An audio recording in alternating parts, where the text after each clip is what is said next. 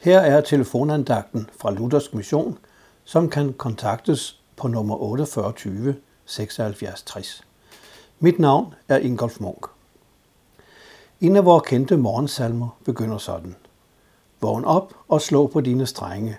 Syng mig en dejlig morgensang. Det er vores store salmedigter Thomas Kingo, der skrev denne salme for langt over 300 år siden. Men vi bruger den stadig. Det er nummer 745 i salmebogen. De gamle ord betyder, at vi skal begynde med at sige Gud tak. Gud er giveren. Han giver os livet, og hver dag er en herrens gave. Måske husker du ordet, således elskede Gud verden, at han gav sin søn, den enborgne, for at den hver, som tror på ham, ikke skal fortabes, men have evigt liv. Gud er giveren. Vi har til gengæld ikke meget at give ham. Jeg har ej andet, der er at give, end kun min blotte hjertetak, siger Kingo. Al vor kerning er mangelfuld i forhold til ham. Alligevel overøser han os hver dag med sine gaver.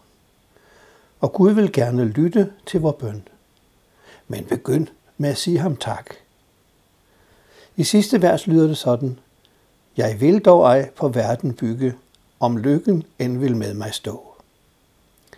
At bygge sit liv på verden er en usikker affære. I denne verden rammes vi let af sygdom, krise og nød. Og hvem tør vi stole på? Jesus siger, jeg giver jer ikke som verden giver. Min fred giver jeg jer. I skal have fred i mig. I verden har I trængsler. Men vær frimodige. Jeg har overvundet verden. Lad os bygge på Jesus, altså stole på ham og hans ord.